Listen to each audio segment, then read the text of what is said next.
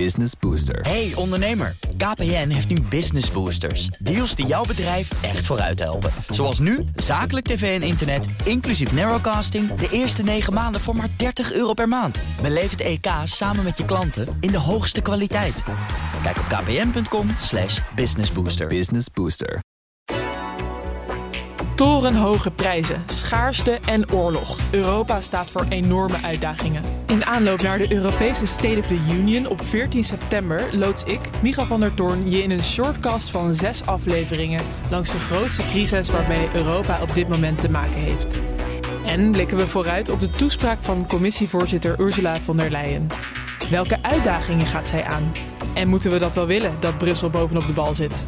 De komende twee weken het antwoord in zes afleveringen Europa in crisis. Europe is in the grip of its most extreme drought in decades. Vannacht heeft president Poetin de oorlog verklaard aan Oekraïne en is bezig om dat land te bezetten. Betaalde ik daar vorig jaar 3,86 euro voor, nu 4,79 euro.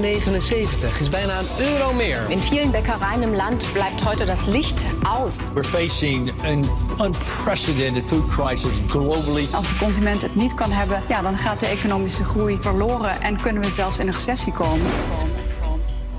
De oorlog van Rusland in Oekraïne drijft de voedselprijzen op tot recordhoogte. De droogte, overstromingen en hitte die we deze zomer zagen, hielpen niet mee.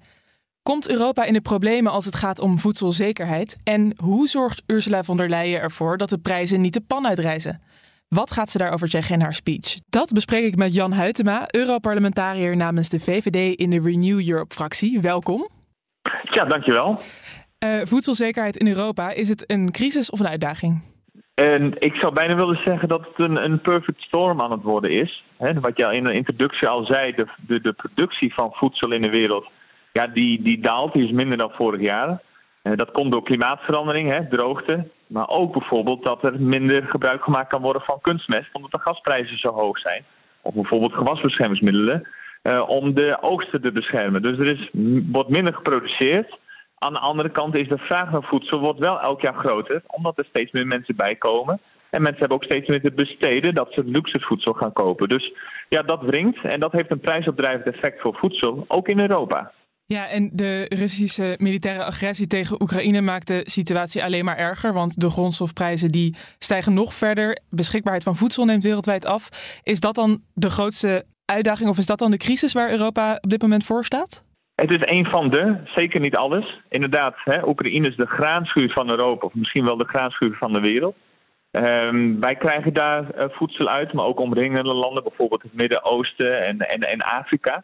Um, en door de hoge gasprijzen ja, is bijvoorbeeld kunstmest uh, veel duur. En ja, zonder bemesting geen, geen voedsel.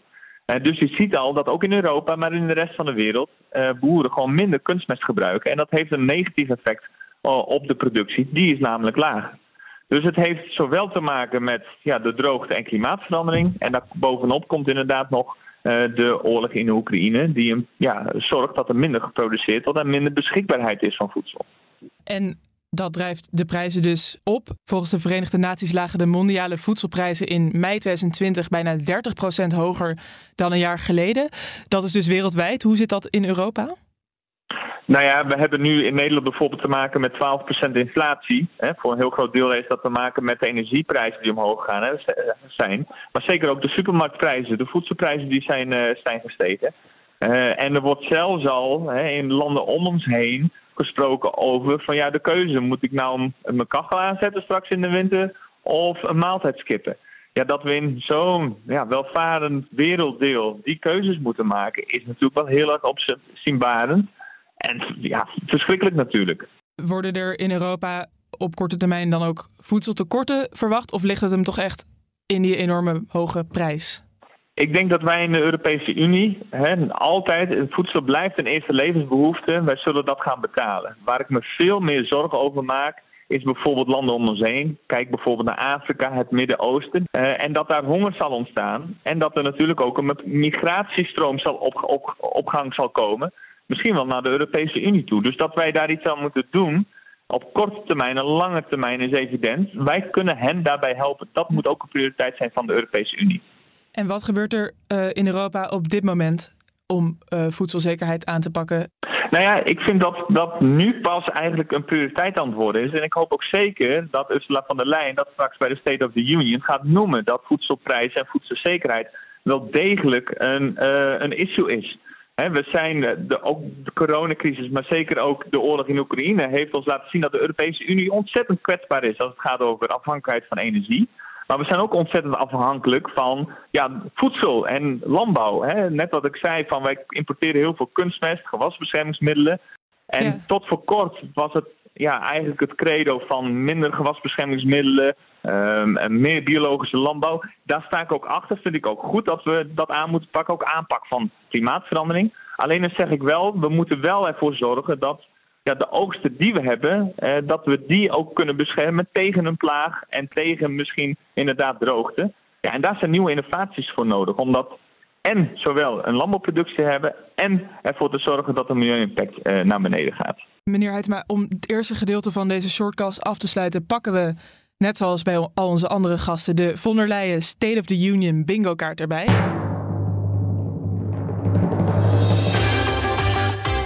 Wat staat er volgens u op de voedselzekerheid bingo kaart van von der Leyen? Wat gaat ze zeggen? Ik hoop dat ze dat noemt innovatie. En zeker Nederland kan er, Nederlandse landbouwkennis kan er echt bij helpen. Nederland is de Silicon Valley van de landbouw. Dat moeten we gaan gebruiken. Dus we zetten innovatie erop. Ja, juist. En eh, wat moet er concreet, want uh, u zei het net al, we zijn nu pas eigenlijk aan het nadenken over voedselzekerheid, klimaat. Wat moet er in de Europese Unie gebeuren om die zekerheid te waarborgen? Nou, we, zijn al druk bezig natuurlijk met de Green Deal om klimaatverandering aan te pakken. Alle sectoren moeten daar een bijdrage aan leveren. Aan de andere kant hebben we nu wel te maken, ook in Nederland en in Europa, met die extreme droogte, met extreme weersomstandigheden. Wij kunnen toch met onze kennis bijvoorbeeld uh, rassen kweken die ja, weerbaarder zijn tegen die, tegen die droogte. En weerbaarder zijn bijvoorbeeld tegen plagen en andere ziektes. Daar moeten we op inzetten. En dan nog even de prijzen, want dat is natuurlijk ook een groot probleem, ook in eigen land. Wat kan Brussel op dit moment doen om die voedselprijzen naar beneden te brengen? Um, ik, ja, dat, dat is voor een heel groot deel, zal dat op korte termijn ontkom je er niet aan om bepaalde lastenverlichting daarover na te denken. Uh, ja, dat is ook natuurlijk een issue wat in Nederland uh, speelt.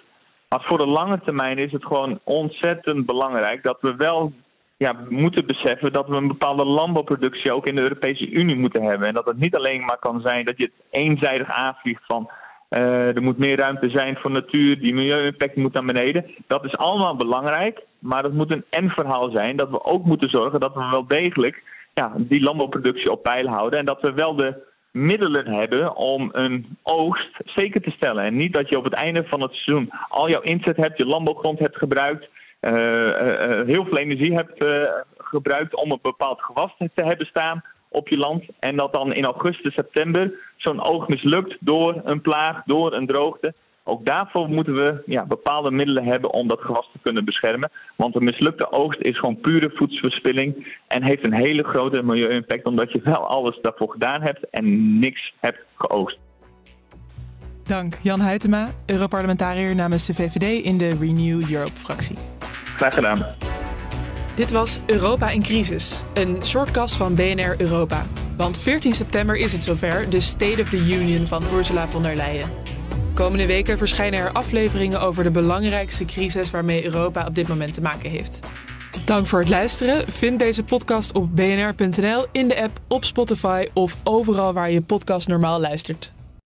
Business Booster. Hey ondernemer, KPN heeft nu Business Boosters. Deals die jouw bedrijf echt vooruit helpen. Zoals nu, zakelijk tv en internet, inclusief narrowcasting... de eerste 9 maanden voor maar 30 euro per maand. Beleef het EK samen met je klanten in de hoogste kwaliteit. Kijk op kpn.com businessbooster. Business Booster.